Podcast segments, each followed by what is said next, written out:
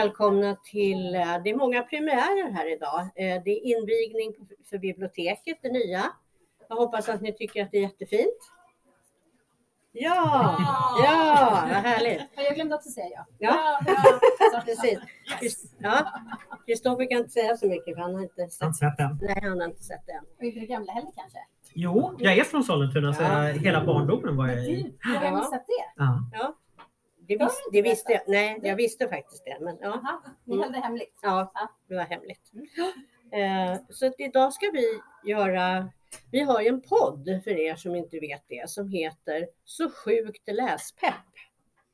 Eufori, verkligen. Är Ja. Eva och Ofelia. Mm. Det är jag som är Eva. Och då blir jag Ofelia. Ja, precis. det Ja. alternativ. Eh, om det är någon som inte har lyssnat på oss så får ni jättegärna gå in och göra det. Det finns där poddar finns. Och eh, idag är det premiärprogram för 2023. Är det. Det är jätteroligt och då ska vi naturligt då vis prova och live livestreama, livepodda. Ja, vi kör ju stream på Facebook och så kör vi...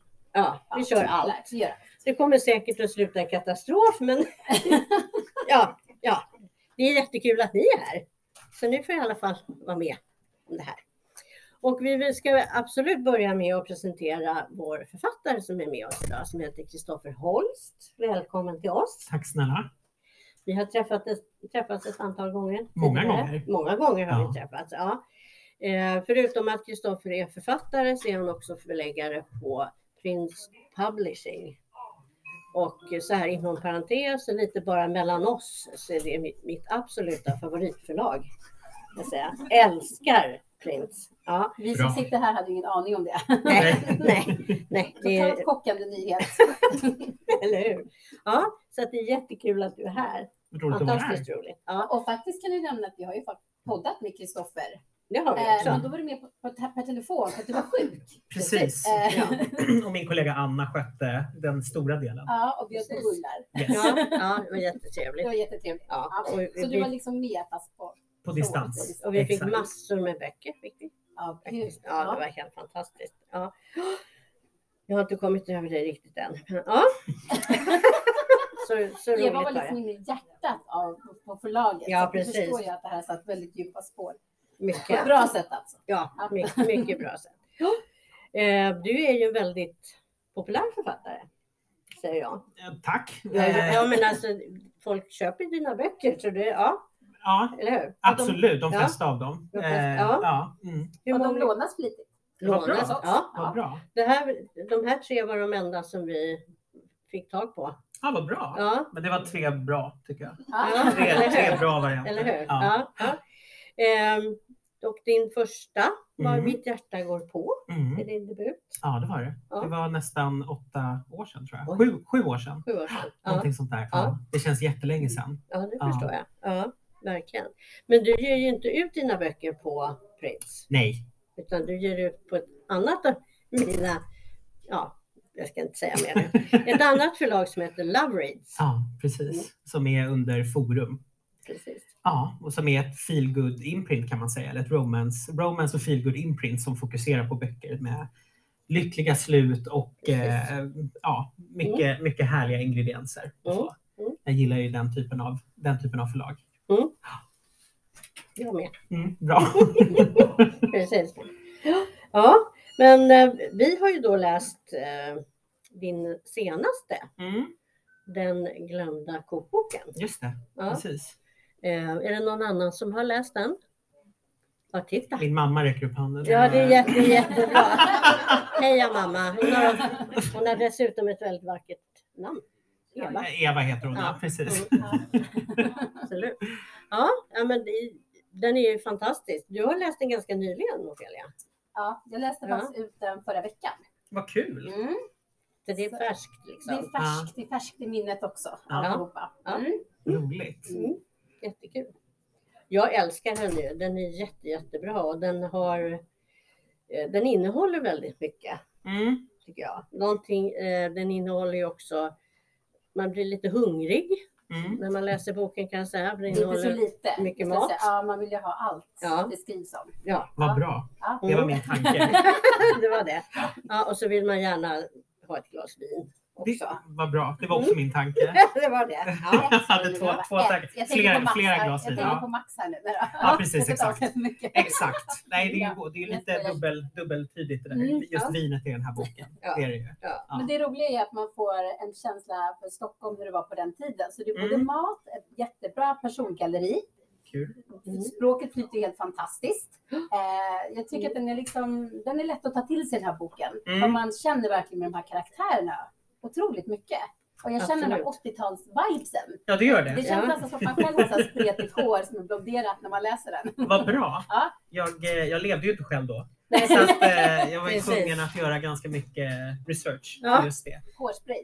Hårspray. Svårlagat. Sen är jag ju ett 80-talsfan så att jag Mm. eh, och, och väldigt många minns ju den tiden hur det var att gå ut och gå ut och äta på restaurang då. Så att det fanns ju ganska Mm. många man kunde intervjua och fråga, Mm. researcha Mm. helt Mm. enkelt. Det är, helt, det, är, det är jättekonstigt för mig att man inte liksom levde när Eller hur? Ja, det är fler som nickar. Ja. Herregud. Ja, jag är så gammal. Det är jag ju förstås. Ja.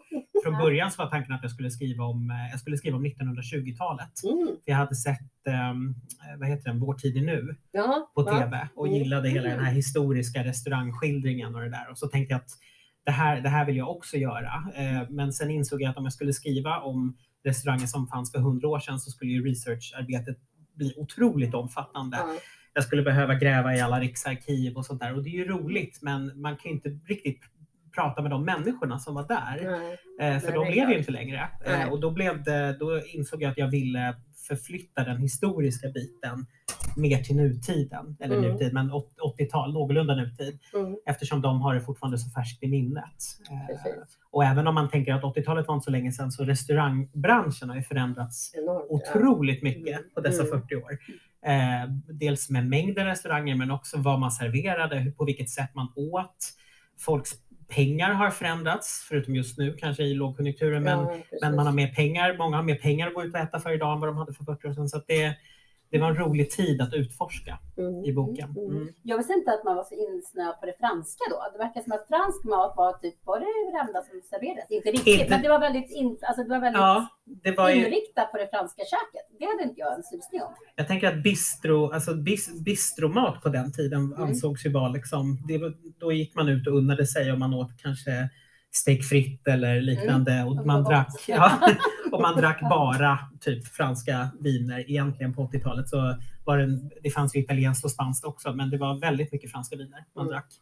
Eh, så att det franska hade en, en hög ställning tror jag på den Mm. tiden. Eh, speciellt i Stockholm. Mm. Mm.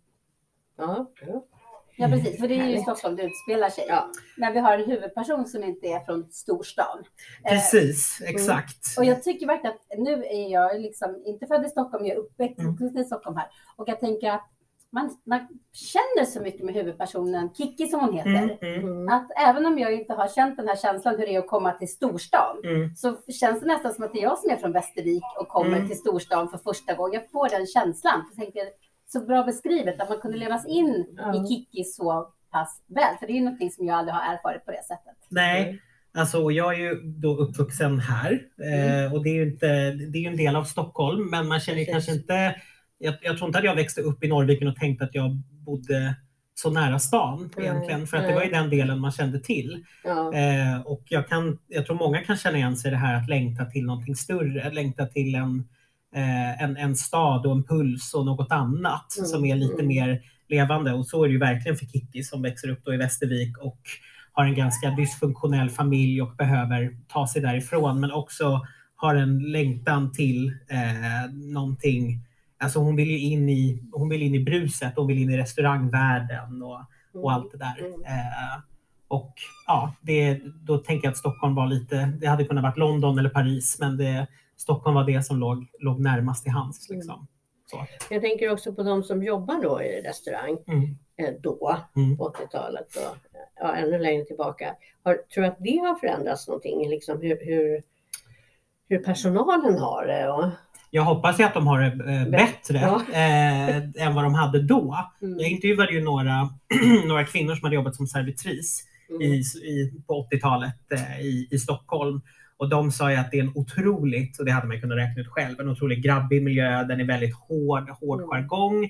Man jobbar hårda tider. Eh, och det som också inspirerade, inspirerade mig till vissa element i den här boken, nämligen det här med missbruk och sånt där, det var ju att hon, hon jag intervjuade, hon, berätt, hon berättade att hon hade jobbat på, jag kommer inte ens ihåg vad stället hette, för det finns inte kvar, men det var en restaurang som låg i Slussen i Stockholm. Eh, och eh, de, hon jobbade ju sex kvällar i veckan och efter varje kväll så gick de ut efteråt och Mm, eh, mm. drack öl. Liksom, kanske tre, fyra, fem öl var. Liksom. Mm. Och hon sa att det var ju bara ett år i mitt liv. Det var inte så farligt. Men då väck, väcktes väl den här tanken, vad händer om en person som inte det där livet passar för, som inte klarar det där livet. Vad händer om en sån person hamnar i den miljön? Eh, hur, hur går det? Antagligen inte så bra. Liksom. nej. Ehm, också just för att restaurangmänniskor de jobbar kvällar. Eh, sen har de stått på fötterna och jobbat, det liksom varit uppvarvade i flera timmar. Sen måste ju de koppla av.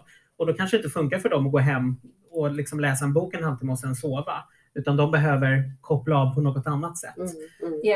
Jag har jobbat, i, jag har jobbat inom restaurang Ja, och vi jobbade ju som du också skrev i boken långpanna. Det var ju Mm. från 11 till 11. just det. Eh, och det här var under en tid när jag pluggade, så jag jobbade Mm. helg på restaurang Mm. Eh, under studietiden. Och alla dagar Mm. avslutades med Ja. en öl i Ja. baren. Man satt och snackade med sina jobbkompisar, vad som hade Mm. hänt under dagen.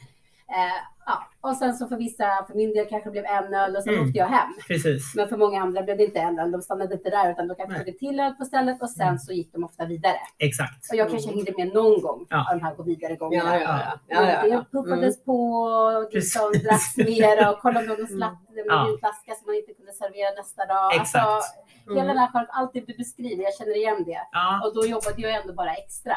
Precis. Och det är väl just det. Jättemånga har jobbat inom restaurang. Mm. Alltså, men många har Mm. gjort det på samma sätt som att många kanske har jobbat någon gång i äldrevården eller någon gång. Alltså, Ja. Att det finns den här typen av yrken. Många har testat på dem men man kanske inte jobbar med det för alltid. Nej. Men sen finns det ju sådana här riktiga restaurangrävar som just gör det. Jobbar för alltid med det. Mm, mm. Och de kan ju hamna i det där. Sen Mm. tänker jag, hade inte du, när man jobbade långpanna, hade man inte ont i liksom benen och fötterna efter liksom ha gått omkring 12 timmar och serverat? Och det är Alltså, ganska det- slitigt jobb. Ja, alltså det roliga var att jag jobbade alltid på så här buffalogympaskor. Fråga mig Okej. inte varför, som var liksom så här en decimeter höga. Ja. Superlämpligt. Så Ja. jag då hade jag förmodligen bara vält i de där skorna. Men jag sprutade runt i de där dojorna 11 timmar i sträck. Det inget problem. det funkade. Det funkade superbra. Och sen tror jag också när man jobbar på restaurang, det är så, jag jobbade på en väldigt populär restaurang Mm. den var väldigt het. Och när sushi hade kommit till Stockholm, jag jobbade på Roppongi på Kungsholmen. Mm. Vi hade ju liksom meter med kö utanför. Ah. Och ringde någon och bokade bord samma dag så var det nästan ha skämtar ni eller? Ja. Alltså vi har inte bord här för någon, en månad. Men Nej. det var väldigt Mm. poppis. Mm. Men eh, jag har inget minne, man får så högt adrenalin när man jobbar i en restaurang. också. det är mycket snabba grejer hela tiden, mat kommer ut i luckan. Mm. Man blir liksom lite hög Mm. på den pulsen. Mm. Så jag, jag känner igen det här när Kikki jobbar, att det är Mm. liksom, Mm. det är go i alltihopa. Känner- branschen är ju Känner du också... också igen dig? Biblioteksbranschen? Nej. Ja, jo, jag springer runt till mina puffade skor och jag känner den höga heta pulsen. Eller hur? Mm. Eh, Men jag var också lite, jag ska säga anledningen till att jag ville skriva om det också, för att jag har inte jobbat inom restaurangbranschen själv. Jag har jobbat på en nattklubb en, en natt i Dalarna en gång. Oj! Ja, när jag var arbetslös. Det är det enda jag har Var gjort. var i Eh, Dalarna? Vart i Dalarna? Ja. I Rättvik. Rättvik. Denna metropol. Oh, Ja, Jag verkligen. Eh, har vistats en del i Dalarna. Ja, ja. Mm. Men, men jag längtade ju också och nu har jag jobbat i bokbranschen så länge och jag skriver mina böcker så att jag liksom jag, jag är inte så sugen på att sadla om just nu Nej. till restaurangvärlden men jag har ju haft en hemlig dröm om att jobba i restaurang. Och Mm. just för att uppleva den här pulsen och jag tycker det är spännande och jag gillar liksom att vara jag tänker att man också är en fluga på väggen i, i med folks samtal och vad de beställer. Och, alltså det säger ju så mycket om vilka de är, vad de dricker och vad de äter. Rökarna gav bäst dricks, det kan jag Var det så? Ja, helt klart, de drack Jaha. bäst Ja. och mest. Mm. Eh, De dricksade också mest, det kanske hör ihop på något sätt. Ja, Eh, ja. Och de som var icke-rökt, den avdelningen vill man helst inte ha för de var så himla tråkiga. De tog alltid en, en mellan sushi och ett glas vatten. Det var så här, åh gud vad de är träiga. En mellan sushi och glas vatten. Tråkigaste jag har hört i mitt liv.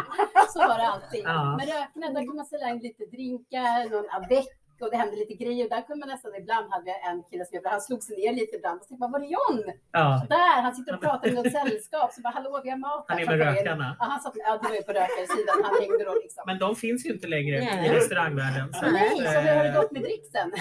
Ja, det undrar jag också. Och det där är också. Det går inte jag in på jättemycket i den här boken, men jag tror, jag, jag, en av servitriserna jag intervjuade, hon berättade att eh, man måste, så är det säkert fortfarande idag, man ska vara bästis med eh, diskaren. Ja, Om man är bästis med diskaren, då, får man liksom, då, då går allting smidigast. Liksom. Om diskaren Mm. hatar den, då är det kört. Men det är ungefär som man ska vara vän med hantverkare. Ja, men lite så Ja, säkert. vaktmästare och Ja, så. precis. Det, ja, det är toppen. Eh, men, men jag vet inte hur det är med, liksom, vi har en konstig drickskultur i Sverige i och med att vi Mycket. har kanske inte fantastiska, men vi har bättre villkor i liksom, eh, alltså själva Vi är inte lika beroende av dricksen på det sättet. Exakt som man, när man är i USA eller kanske England där det är så att de har en extremt låg lön men och förväntar sig. Så att här är det ju lite mer kanske person, personlighetsmässigt. Liksom. Mm. Eh, Men jag vet inte vilka som är, om det inte är rökare längre så är det några andra. Kanske de som sitter med mobiler eller någonting sånt där istället.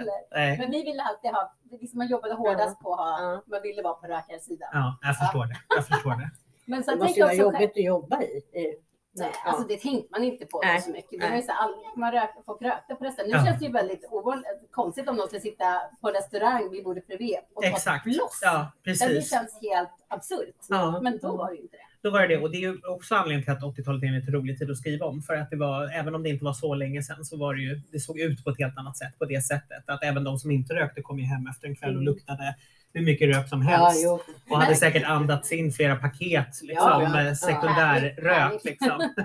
Och jag tänker på Kiki Mm. och Ja. Pia i boken då. De röker ju när de jobbar Ja, precis. i Exakt. restaurangen. Och Eh, väntar på någon mat i luckan och ja. tar en cigg. Ja. Jag tänkte, men vänta här Ja. nu. Mm. Jo, Och det- alltså, Och det frågade jag henne, servitrisen. Ja, liksom. eh, och nu, det kan inte, hon kan ju inte svara för alla servitriser i, i, i hela Sverige, men Nej. hon, de rökte. Ah, Eh, ja, jättefräckt. Kockarna rökte. Ja. Alltså, ja, så att, jag tror inte att det var, och nu jobbade hon, hon jobbade ju inte på liksom Operakällan så, utan, så det kanske inte var det kanske inte var lika höga krav, lika hårda regler, men Mm. de rökte hela tiden. Liksom. Eh, och kockarna rökte och man stod i luckan och liksom, men väntade på mat och han fimpade då. Liksom, och, så så att det, det var en annan, en annan tid. Ja. Liksom. Mm. Mm. Jag tänker man hade, som kund hade man inte heller tolererat det idag. Liksom.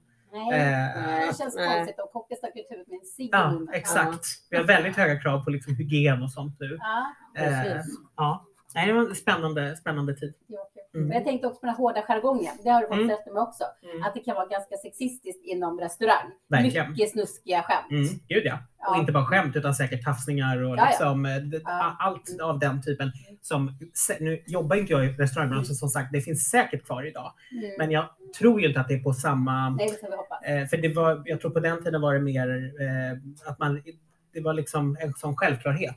Mm. Så att den kanske inte ens var någonting som man och kvinnan kanske förväntades slå undan handen och liksom ge honom en reprimand, liksom, Mm. kocken eller något sånt där. Vilket är Lite skämtsamt. lite skämtsamt, Ja. men det var inte någonting som togs på allvar eller togs Nej. som en personalfråga eller liknande. Utan precis. det var helt annorlunda. Är det någon som har jobbat i restaurangbranschen här? Bland publiken? En. Ish. Ja, lite så. Ja, ja. Det är bra för då kan jag också säga vad jag vill för ni har ingen aning i alla fall vad som stämmer och inte. Jätteskönt. Eller hur? Bara kolla lite. Precis, exakt. Exakt.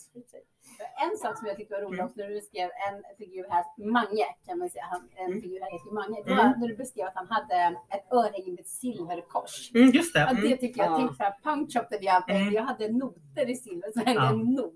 Var lite exakt. samma, den, ja, Mm. Mm. Lite stil, stilen är också rolig. Liksom. Ja, Ja, Hur alla verkligen. klädde sig. Ja, Och det, och det kan man ju också gå igenom, för det finns en fantastisk, när man är författare så får man göra mycket research online också. Mm. Och på Facebook så finns det ju en jättebra grupp som heter, om det heter Det gamla Stockholm eller Vi som bor i Stockholm eller någonting sånt där. Mm.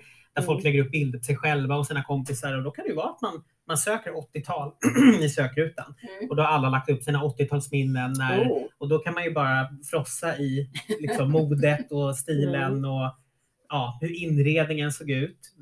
Fruktansvärd inredning. enligt mig. Eh, men eh, den blir säkert trendig igen snart. Ja, Säkert, Eh, säkert. Och indirekt, men det var, man kan hitta så mycket liksom guld i de Facebookgrupperna. mm. Eh. Jag har Ja. några outfits jag skulle kunna lägga upp där. ja, men outfits är en grej, det är mer inredningen som är... Jaha, ja. är det den som Mm, är? mm, Okej. mm, Ja. Ja, men det var jobbigt för oss som hade lite så här 70-talsaktigt hemma. Mm. Jag, mina föräldrar hade svart plastmatta på golvet och svart och gröna plasttapeter i badrummet. Mm. Jättehäftigt på 70-talet. På 80-talet så fruktansvärt pinsamt. Ja. Jag ville ett tag inte ens ta hem kompisar. Nej. För att jag hade en kompis mamma, hon hade aprikost och kakel. Och Ja. där ville man ju vara i det badet. Snyggt, snyggt, snyggt. Och så kommer du hem till mig med svart anarkistisk golv och Ja. gröna tapeter. Då hade jag skämt så mycket hela. Jag ville att vi skulle vara mer 80-tal. ja, jag förstår det. Ja. Ja. Det hände aldrig. Ingen vill ha anarkistiskt golv. Nej. Nej, nej, precis. Nej, Men det var ju säkert, det var, mina föräldrar förklarade att det här var jättehäftigt. Ja, ja, Det ja. var ja. så snyggt. ja Alla de tyckte säkert om det. Ja, gud ja. ja. Ja. Ja. Så det, ja. Apropå inredningsstil. Nej, nej, nej, allting förändras hela tiden. Ja, Så är det ju. Ja, absolut. Ja. Ja, vad härligt. Mm. Säga. Men eh, den glömda kokboken, Mm. är det din, din egen favorit eller? Ja, mina egna böcker. Ja. Alltså, det var lite så när jag, när jag skulle skriva den. Jag har ju skrivit en annan, jag har skrivit en serie som, eh, om en journalist som heter Silla Storm. Det är ju Just mer det. mysdeckare. Just det. Eh, och, eh, och de har varit jätteroliga att skriva och där har jag ju Mm. fått blanda alltså, mo- mordhistorier med eh, ja, feel, feelgood element. För jag skriver ju ändå feelgood. Så att Mm. jag vill ju ha vänskap, jag vill ha kärlek, jag vill ha mycket mat och vin, jag vill ha härliga miljöer. Men jag tyckte det var roligt att blanda in eh, mord Mm. också. Vilket låter absurt. Som en ingrediens. Ja. Nej, men att det blir ju ett sätt att driva handlingen framåt. Ja. För jag, tror, jag Mm. tänkte också när jag hade skrivit några feelgood-romaner, vilket jag började skriva då med mitt hjärta går på, så kände jag också att men gud, ska det här också handla om ett par som de älskar varandra men kan inte få varandra. Alltså det, så jag kände att jag hade lite slagit knut på mig själv. Jag kunde inte komma vidare. Och då när jag lät karaktärer börja eh, mörda istället så blev det mycket Det Mycket ro- mycket roligare. Ja, det blev, mycket, ja, men det blev faktiskt mycket roligare. Mm. Eh, och sen, men sen vill jag gå tillbaka till att skriva liksom en traditionell feelgood, men kanske Mm. ville känna att, att den hade ett annat litet djup i sig. Mm. Så. Mm. Och en ingrediens som kanske inte är helt eh, vanlig i genren. Eh, och då blev Mm. det ju just den här missbruksproblematiken och hur den kan ärvas i generationer Mm. och sånt där. Mm. Men Mm. jag tror att det är en, en av mina favoriter Ja, faktiskt. det är en av Eh, mina favoriter. Ja, vad roligt. Vad roligt. Men, Men jag ja. tänkte just det här när du skriver feelgood-deckare Mm. eller mysdeckare eller vad man ja, låter konstigt. Mysmord. Mys, Mysmord. mysmord. Ja. Ja, precis.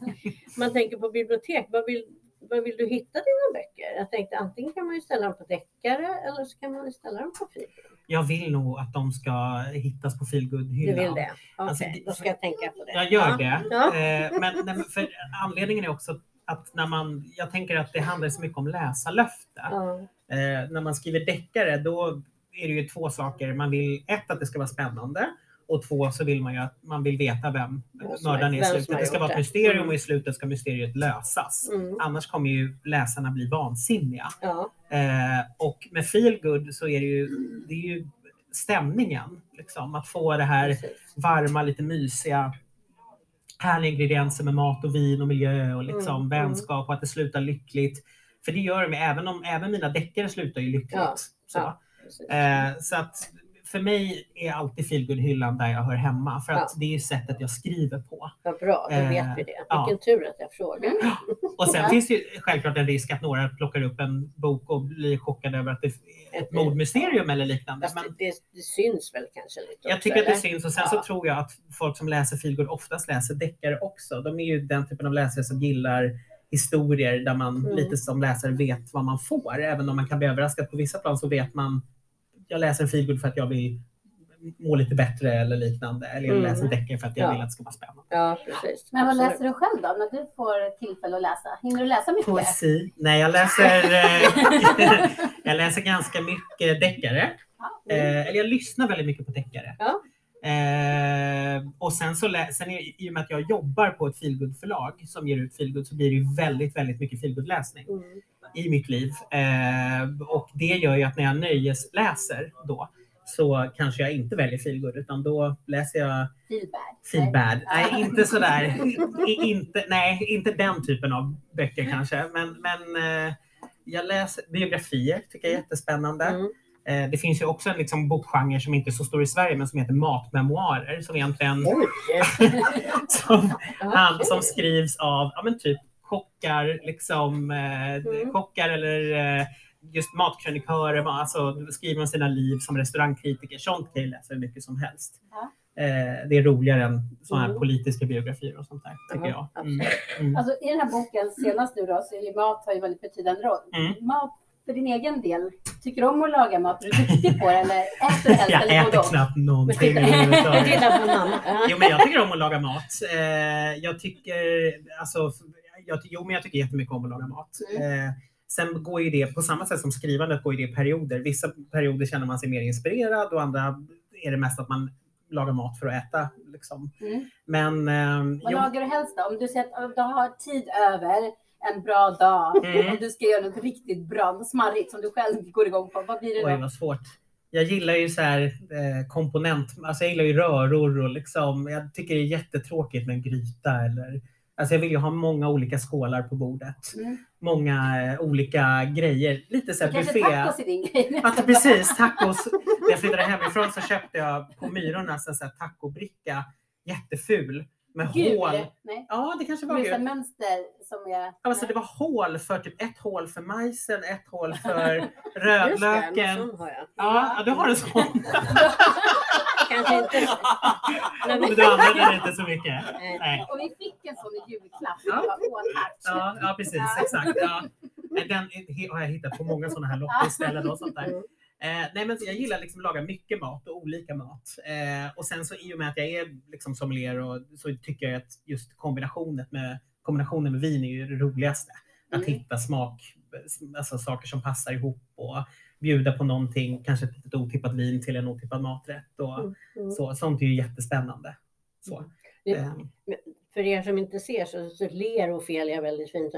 Hon och hennes familj är helt tokiga i mat. Ja, ja, jag Mat, sitter här. mat, Det är så här, mat, religiöst uttryck i Ja. ansiktet nu. Men, vad- men vad roligt. Ja. Ja, vi, vi har ju ett litet matkonto, och min man som heter Passion Food Colombia. Vi har glömt bort det ett tag, att vi har det. Men vi lagar ju mat. Eva tycker vi är galna. ja. Ehm, Jag bara, åh, du gjorde vi det här och vi åt det här. Och vi. Ja, ja, ja. ja. Men är det för att, att ni lägger, då lägger ni mycket tid på det också? Alltså, ehm, alltså jag, jag är uppväxt med mamma är som... kock kan vi Ja, säga. min mamma är kock. Ah, Ja. mm. Och min mamma har jobbat som konsumentkunskapslärarinna Ah, när det okej. begav sig. ja. Så allting hos oss har handlat mycket om mat, fast väldigt nyttig mat. Ja. Jag, jag visste inte ens om när jag var tonåring att man kunde köpa så här mandelspån på påse. Det jag hittade i affären var att någon hade köpt det bara, men vad är det här? Ja. För vi har alltid skållat, mandeldelat, alltså allting har Just varit det. från Från grunden, grunden, mm. alltid. Ja. Så jag vis- visste liksom köpa en tårtbort, jag kom första gången jag gjorde det så här färdig, jag mådde så dåligt. Ja. Jag bara, alltså jag köper en färdig tårtbåta, jag kommer aldrig berätta det för någon någonsin. Sen har det hänt flera gånger sedan dess. Nu senast gjorde jag en tårta så bakade jag faktiskt sockerkakan igen. Men ja, allt är sådär. Så mycket handlar om mat. Det är som vi är den där Ja. familjen som vaknar upp och bara, vad blir det till middag? Mm. Men, Och så måste man planera det och alla ska tycka till, alla ska vara nöjda. ja, jag Och förstår. mycket skålar Jag och förstår. alltid oliver. Och alltid oliver, gud vad Ja. härligt. Ja, för annars blir det, det blir så här upplopp i min familj Vad roligt! Men det Ja. är nog, jag vaknar också upp varje morgon och tänker på vad jag ska laga. På riktigt alltså, och tänker på vad jag ska laga till middag. Ja. Eller äta till middag. Eh, Okej. Det gör jag nog varje, det gör jag nog varje dag. Ja, för det var sista jag Ja. frågade dig. Kan prata om middagen? Har man pommes frites, Ja. köttfärsbiffar med fetaost? Ja! Ja, Och så, så sprang jag till jobbet. Underbart! Ja, men det är perfekt. Och det, ibland när jag får frågan vad, om det är någon mat jag inte äter eller någon mat jag tycker är äcklig. Då är det ju verkligen, jag hatar ju rester. Alltså, det, alltså just för att jag vill laga någonting nytt varje dag. Ja. Eh, och jag slänger dem inte utan jag låter någon annan i hemmet äta det. Men jag, jag vet. du är inte matlådekille på jobbet alltså? Nej, jag, uh, Nej. nej, fy, jag hatar matlagning. Men, fick den vibben då? ja, du fick det. Ja. Nej, men jag, eh, varje dag vill jag ju liksom laga någonting nytt. Just för att jag vill ju, det är ju det är nästan lika roligt att laga maten som att äta det. Om inte mer roligt att laga maten än att äta den. Mm. Så att det är den känslan jag vill åt mer egentligen. Så, Ja, men det är ju det här som du säger, som det här som Kikki också gör. Ja, nu dricker inte jag vin kanske i en Nej. kaffekopp. Men nej, det är bra. Det är bra. jag har en Mm. vinglas. Men just när man tar lite vin, familjen Ja. samlas, Mm. vi har lite snacks, det Mm. kan vara vad det kan vara. Mm. Och sen så brukar vi alltid göra en liten drink även till barnen. Och stopp innan jag kommer vidare, det är alltså läsk med Ja. någon frukt eller någonting. Men vi, vi serverar gärna ett så här litet champagneglas och så säger vi nu är drinken klar.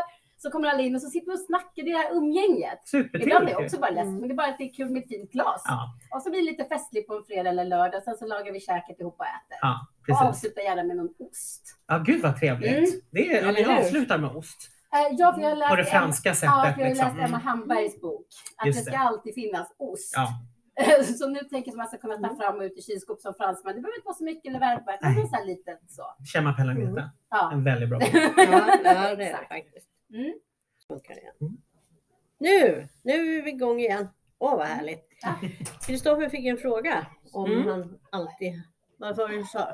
Alltid hade velat, alltid velat bli författare. Ja, Och då började du prata om film. ja. Ja, ja, men jag har inte alltid velat bli författare. Eh, jag har alltid läst. Liksom. ja, ja. Eh, men jag trodde att jag skulle jobba med film eller kanske ja, som regissör eller någonting sånt där. Men Mm, sen märkte jag ju som sagt hur- mycket det krävs för att få en film att bli Ja. en film. Eh, och då kändes det enklare att sätta sig, för för jag har alltid haft historier i huvudet Mm, eh, som jag på något sätt har velat berätta. Eh, Ja. Och eh, då kändes det, då testade jag att skriva och då fastnade jag verkligen i det. mm. Så. Mm. Men det var inte någonting som jag, vissa författare jag känner har ju vetat sedan de var fyra år Ja, precis. att de ska bli Ja, författare och så, så var det Ja. inte för mig faktiskt. Nej, Nej. Spännande. Mm. Bli. inspiration, var får du det ifrån? Vad får jag inspiration ifrån? Jag får det väldigt mycket av att resa.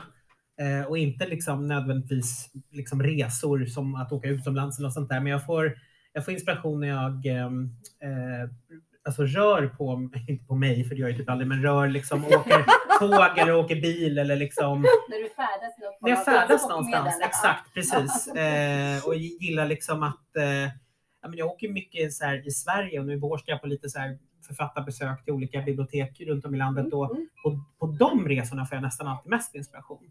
Mm. Eh, upptäcka nya miljöer. Nästan just Den glömda kokboken är ju en av få mina böcker och sen min första som utspelar sig i Stockholm. Mm. Många av mina andra böcker de utspelar sig ju på olika platser i Sverige och det gör ju även, jag släpper en ny serie i år och den kommer också, den kommer, Ja, det inte- ja, den kommer inte vara i Stockholm Ja. så mycket alls faktiskt. Nej, Nej. Så resor inspirerar mig väldigt, väldigt mycket. Mm. Det, innan vi pratar om din, Mm. din nya bok så Mm. tänkte jag att du är ju också så, general för uh, Feelgood-festivalen. Just det. Ja. Som är, är det några som har varit där? Jag vet några. Ja. Det är bra. ja. Och min mamma igen. Det är Och mamma igen. Ja, precis. Ja. Men alltså det är ju fantastiskt. Gillar man feelgood och Mm. ja, Mm. romance också Mm. till viss del Absolut. så är det ju, kan jag verkligen rekommendera Ja. att åka och umgås med likasinnade kan man väl säga och få lyssna på jättemånga författarsamtal Mm. och, och träffa författarna och det är super, super kul. Ja. Och vad kommer det vara i år? I år, den har ju alltid varit i Mariefred. Eh, eller alltid, men i alla fall de. Vi har hållit på i fyra, fem år och sen har det varit pandemiuppehåll då vi hade digital. Men den, då har det varit i Mariefred och nu kommer det vara i Sigtuna. Eh, Just så, det, du är Sigtuna. Ja, så norr, norr om stan på eh, den här eh, fantastiska Sigtuna stiftelsen. Eh, om det är någon som har läst eller sett bränn alla mina brev också så får Just man ju det. se de miljöerna där. Det är ju fantastiska miljöer och en vacker innergård Mm. och den är, inspirationen för den som byggde Sigtuna stiftelsen var hämtad från sådana här toskanska herrgårdar så den är väldigt exotisk.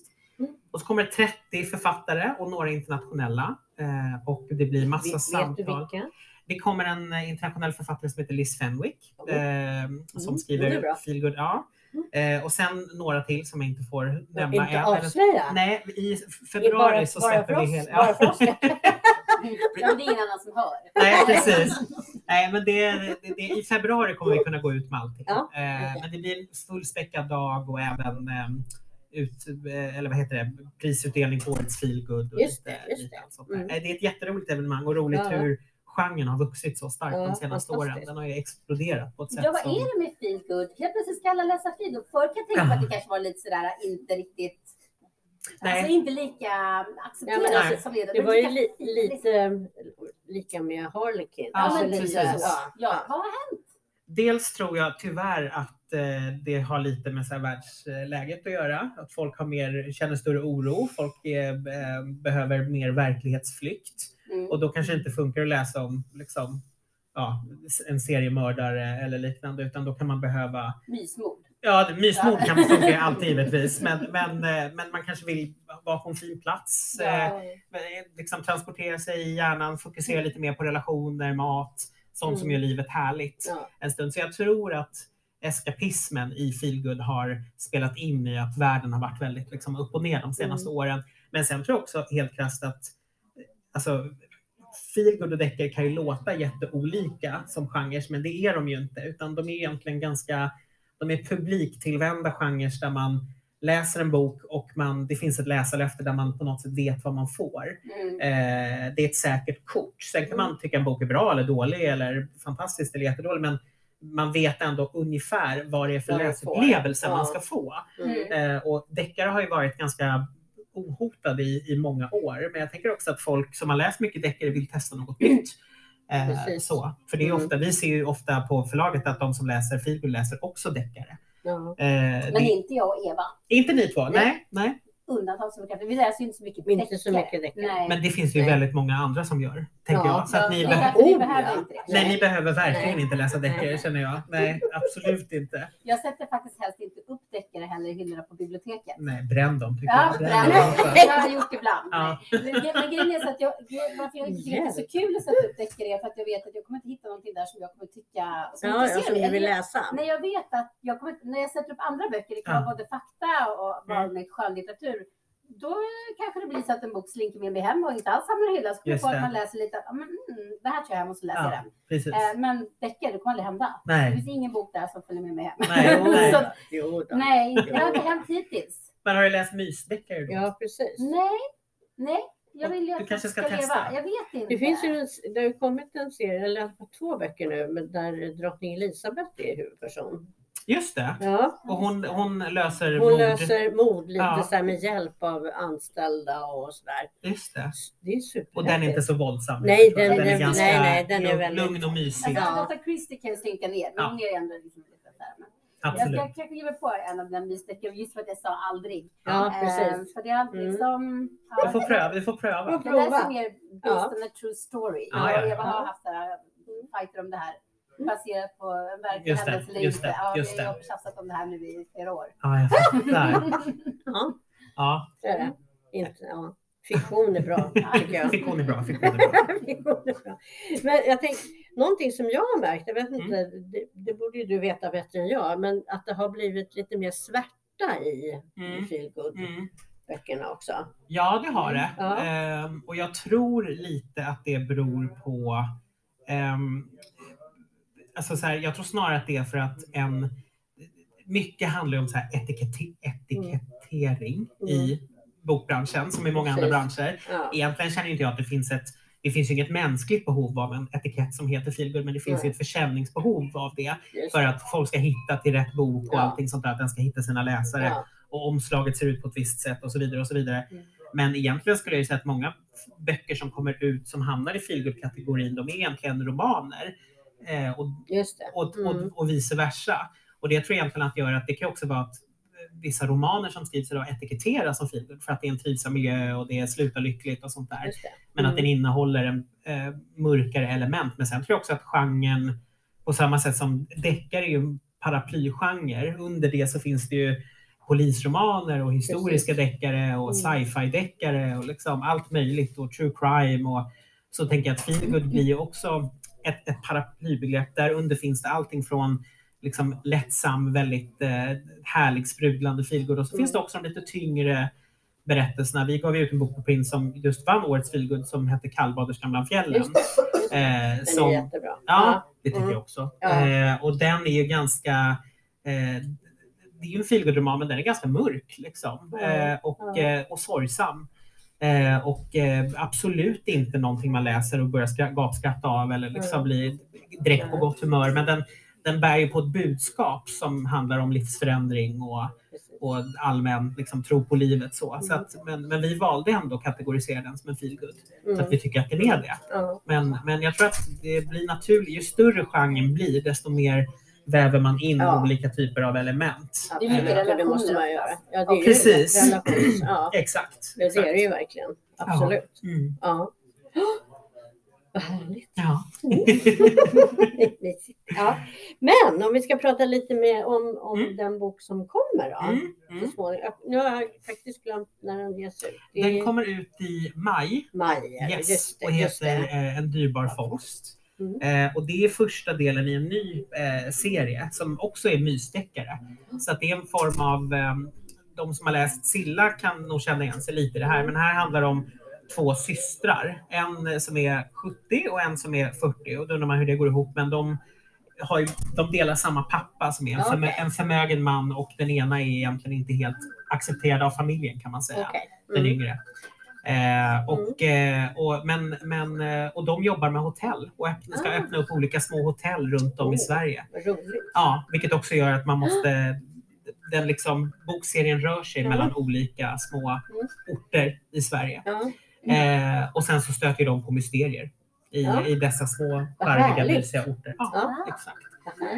Det var också för att jag vill ju inte, jag vill helst inte liksom fästa mig vid en plats som jag vet att här kommer jag vilja skriva sju böcker. Utan då Nej. tänkte jag, då måste jag skriva karaktärer som på ett naturligt sätt kommer Ja, röra sig runt röra i. Sverige.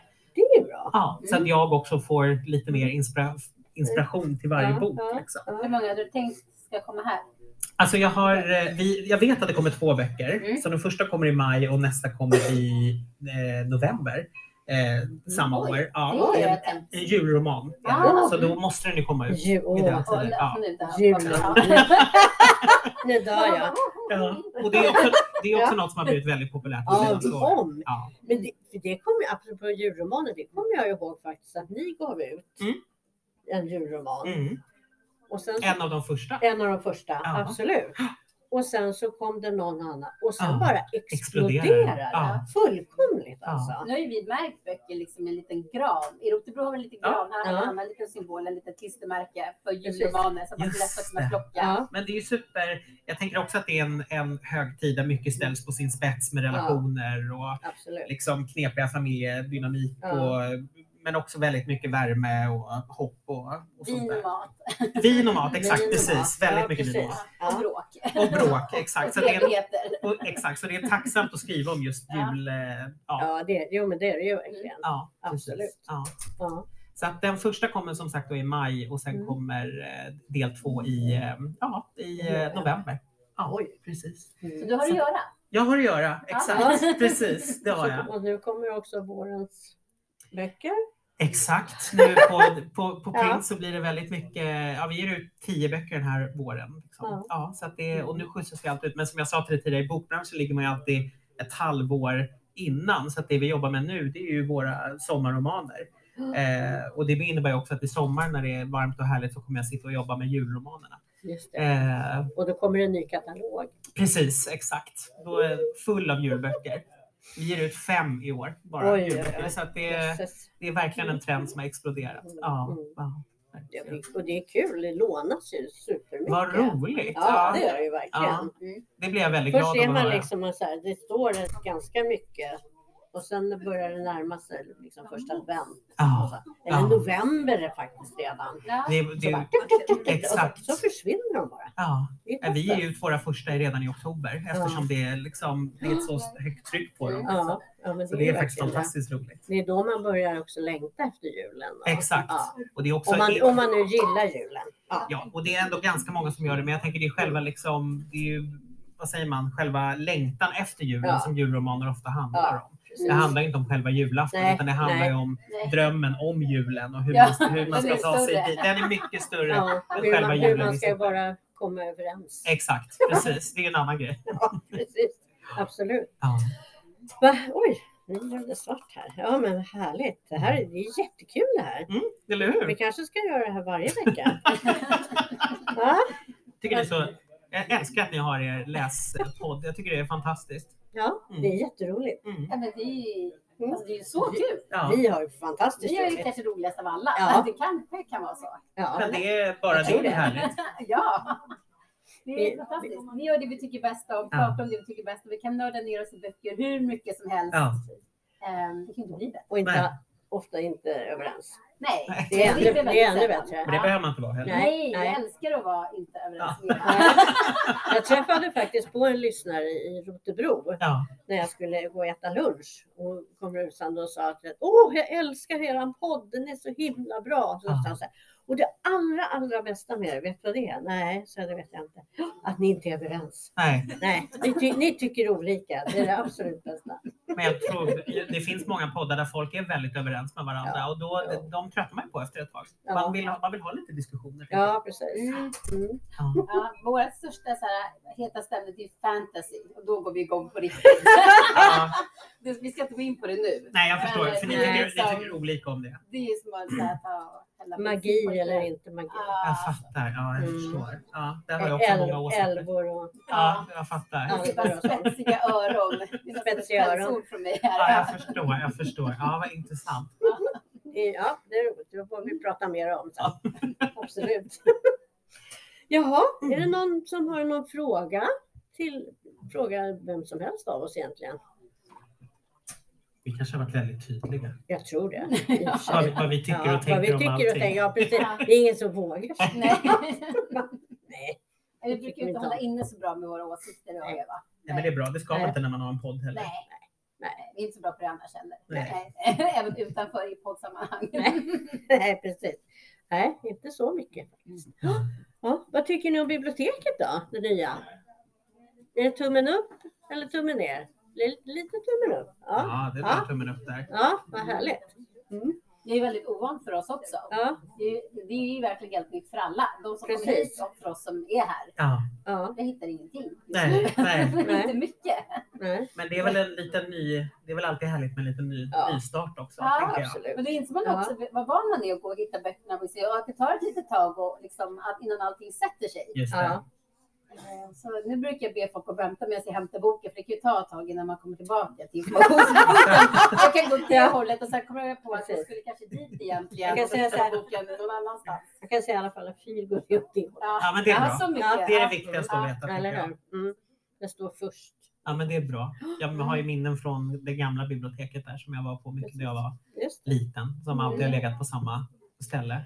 Eller ja, länge Ja, fall. länge. Det har legat där 40 väldigt länge. år någonting sa man. Ja. Alltså, sen 80-talet. Ja, Mm. För, Och då- Före din tid. exakt.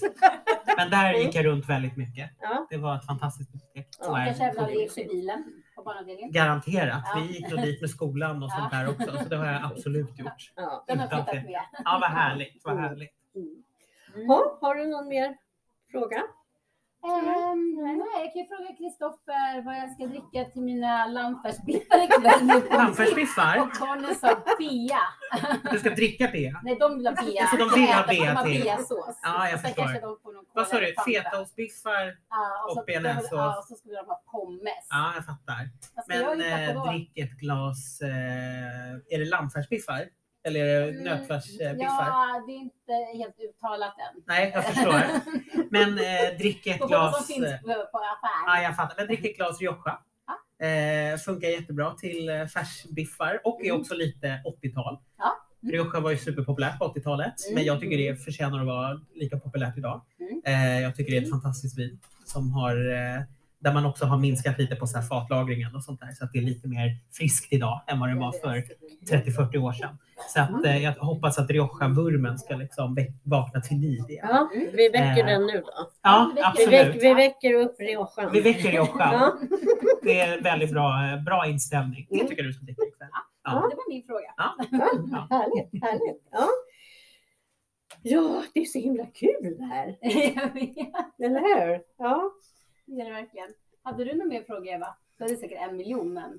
Ja, kanske. Jag tycker ni har ställt mig många frågor. Eller hur? Ja. Jag, jag har ju verkligen bombarderat dig, känner jag. Ja, jag har liksom tagit verkligen tillfället i akt. Ja. Mm. Kan inte ni dela med er av lite lästips då? Ni som läser mer än, tror jag, bara majoriteten gör. Lästips. Läsa? Vad läser du för något, Ofelia? Eh, Alltså det är lite trögt för mig, men jag har snöat in på Japan och katter just nu. Ja, Jag är inne på min fjärde eller femte bok som handlar om eh, någonting i Japan där en katt har en central roll. Och nu läser jag Gästkatten. Eh, det, går, det är inte att den inte är bra, men det går lite trögt just nu måste jag säga. Jag Jag somnar hela tiden. Jag tror att jag ligger för bekvämt Ah, i okej. min soffa. Jag bäddar ner mig under Du, du borde sitta på Ja, på en sån här. trä, träbänk.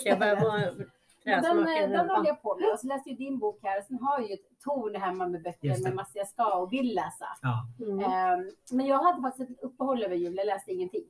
Det är Alltså, den det- stora förskräckelsen. Men det kanske du behövde då? Eh, Det är helt ofattbart. har diskuterat om man kan läsa för mycket. Jag hade liksom läst lite Nej. för mycket. Jo, det hade jag. Därför så kände jag att jag behövde en paus och ägna mig liksom åt mitt eget liv. Jag förstår. Jag Ditt inre liv. bästa. Ditt inre Mitt liv. inre liv. Ehm, och sen tänkte jag att jag skulle umgås lite med mina barn också. Ja. Det blir ju inte så himla sällskap sen när jag läser mycket. Det går lätt in i det och försvinner lite halvt sådär. Jag bara. förstår. Jag Så att, förstår. eh, men ja, Gästkatten är det. Gästkatten. Mm. Ja. Jag kommer inte ihåg författarens namn. Men det är en väldigt fin framsida. Något japanskt. Ja, Ja. Och, så, Ja. ja, på tur så står ju den här andra kattboken, japanska, som den här katten som eh, räddade världen. Eller boken. Räddade böcker. Räddade böcker tror jag. Ja, Ja, räddade böcker Den är, Ja, den, den är. ju Och den är också japansk? Ja, Ja, och om också- katter. Jag liksom håller på med det här temat nu och sen ska jag ta en paus och hitta på något annat. Ja, jag förstår. Japansk Det är världens vackraste bok. Aha. Du måste kolla in Framsidan är fantastisk. Mm. Fantastisk. Gud vad spännande. Ja, Mm. jätte, Ja. jättefint. Ja. Jag har precis läst ut eh, Babetta av Ah, Nina ah. Wäher. Mm. Apropå film. Just det. handlar väldigt mycket om film och film, ja, filmatiseringar och hur man gör film och sådär. Just det. Och också om ett, ehm, eh, ja, jag vet inte vad jag ska kalla det för, vänskap eller kärlek. Ja, eh, mm, Det är lite triangeldrama eller? nej, det är det inte. Det Nej. handlar om två tjejer egentligen. Ja, ja, okej. Ja, där, där den ena är eh, beundrad och sådär och den andra känner ja, har inte samma, den ena är, är erkänd skådespelerska och Just det. filmstjärna och den andra är hennes vän då sen, ja, lång tid tillbaka, skolåldern. Och deras, eh, det, vad ska jag säga, det är inte riktigt jämlikt. Nej, jag nej, säga, utan det är liksom, ja, hon den ena, Katja då som är den vanliga tjejen, hon beundrar den här andra väldigt, väldigt mycket. Och så det, ja, tangerar lite kärlek, Just det. ja sådär. Och så är det franska rivieran eller sånt där va? Är inte det? Precis. Ja. Mm. Mm. Och, jag, ja, och jag har precis läst ut den så att jag, jag skriver ju läsdagbok så jag ska skriva i, i den nu då. Och det, det här är en bok som vi har i en av våra bokcirklar. Ah, okej. Så det ska bli spännande att prata om den. mm. Den vill jag också läsa faktiskt. Ja, Den har jag hört väldigt mycket om. ja, Ja. det är kanske många som har läst Testamente av Nina Wähä. Det har inte jag gjort. Nej. ja, Inte jag heller. ja, Det- den är så tjock. Ja, den är det va? Jag klarar inte av tjocka. Det kan vi också prata om. Jag gillar inte tjocka böcker. Nej, jag gör inte heller det riktigt. Men det tror jag, alltså det är inte det att jag inte tycker att de är värda att vara tjocka, men eh, jobbar man med det som jag jobbar med så Ja. är det lite svårt. Man tar hellre liksom till sig tre stycken 250 sidors Ja. böcker än en på 900 sidor. Jag funkar på det. samma sätt. Ja, Jag gillar inte tegelstenar. Nej. Eh, Jag har aldrig Jobbigt. gjort det. Det är jobbigt. Ja. Man tröttnar i mitten och sen ska man ändå fortsätta. eller hur? Och- Ja, Nej, då byter jag hellre till något helt annat. ja. Vad bra. Mm. Där är vi lika. Där, vi, där var vi verkligen lika. Vad Ja. härligt. Ja. Och sen så ska jag läsa, eller håller jag på och läser också, oj vad heter den nu då? Färskt vatten till blommor. Mm. Ja, av Valérie Parin, Just det. någonting sånt. Ja, Det stämmer nog. Handlar om en, en kvinna som, jobb, som jobbar som eh, kyrkogårdsvaktmästare. Jag har inte kommit så långt i den, men jag har hört väldigt, väldigt mycket om den. En fransk bok va? Ja, Ja, just det. hört jättemycket om den och, och alla säger att den ska vara så fantastiskt bra. Så det, det blir spännande. Den vill jag också läsa. Ja, Ja. Men jag har ju också en sån här hög som Ja. aldrig, ju aldrig det. krymper någonsin. Nej, utan eh, det finns alltid så många böcker som man Eller vill, hur? vill och ska Ja. läsa. Men så det, ska det, det roligaste är när man ska gå på, tycker jag egentligen, när man ska gå på semester. Mm. Då går man ju omkring här och så liksom, man köper ju lite böcker Mm. för man ska på semester och man plockar ju till sig här. Då, för man Mm. har ju så bra tillgång. Precis, exakt. Och så kommer man hem och så har man liksom ett torn och så kanske man har tre veckors semester. Ja. Och hur ska man då hinna med allt detta? Du får många 250 Eller hur? Eller Ja, hur? Är Inga tegelstenar. Nej. Men ja, man är lite... Men det Så är gör tråkigt, man varje år. det. Man kommer aldrig kunna läsa alla böcker man vill läsa. Nej. Då ska man verkligen inte läsa det man inte känner att man har lust att läsa. Nej. Man ska ju ägna den tiden åt sånt som man Ja. vill läsa. Helt det är ju sant. annars Ja. totalt bortkastat. Ja, bland annat då Kristoffers böcker. Tack. Ska man läsa. Ja, precis. Så ja, så får vi se fram då mot maj Ja, när den här nya kommer. exakt. Precis. Ja, Men vi kanske helt enkelt ska runda av lite då. Ja, absolut. Nu har vi hållit låda en timme, vet du vad? Ja, herregud. Det är ingenting. Nej. Det är nej. Nej, Jag skulle säkert kunna sitta till klockan fem. Men ja, jag eller hur? tröttna. Ja, men tack så hemskt mycket Kristoffer för att du kom hit. Tack Ja, snälla för att du Ville fick komma. gästa oss. Mm, Tack så Ja. mycket. Vi får säkert anledning att återkomma Det hoppas jag flera gånger. verkligen. Då får du hälsa så mycket till Anna. Det ska jag verkligen göra. Ja, Ja. Vi tar väl en applåd för er.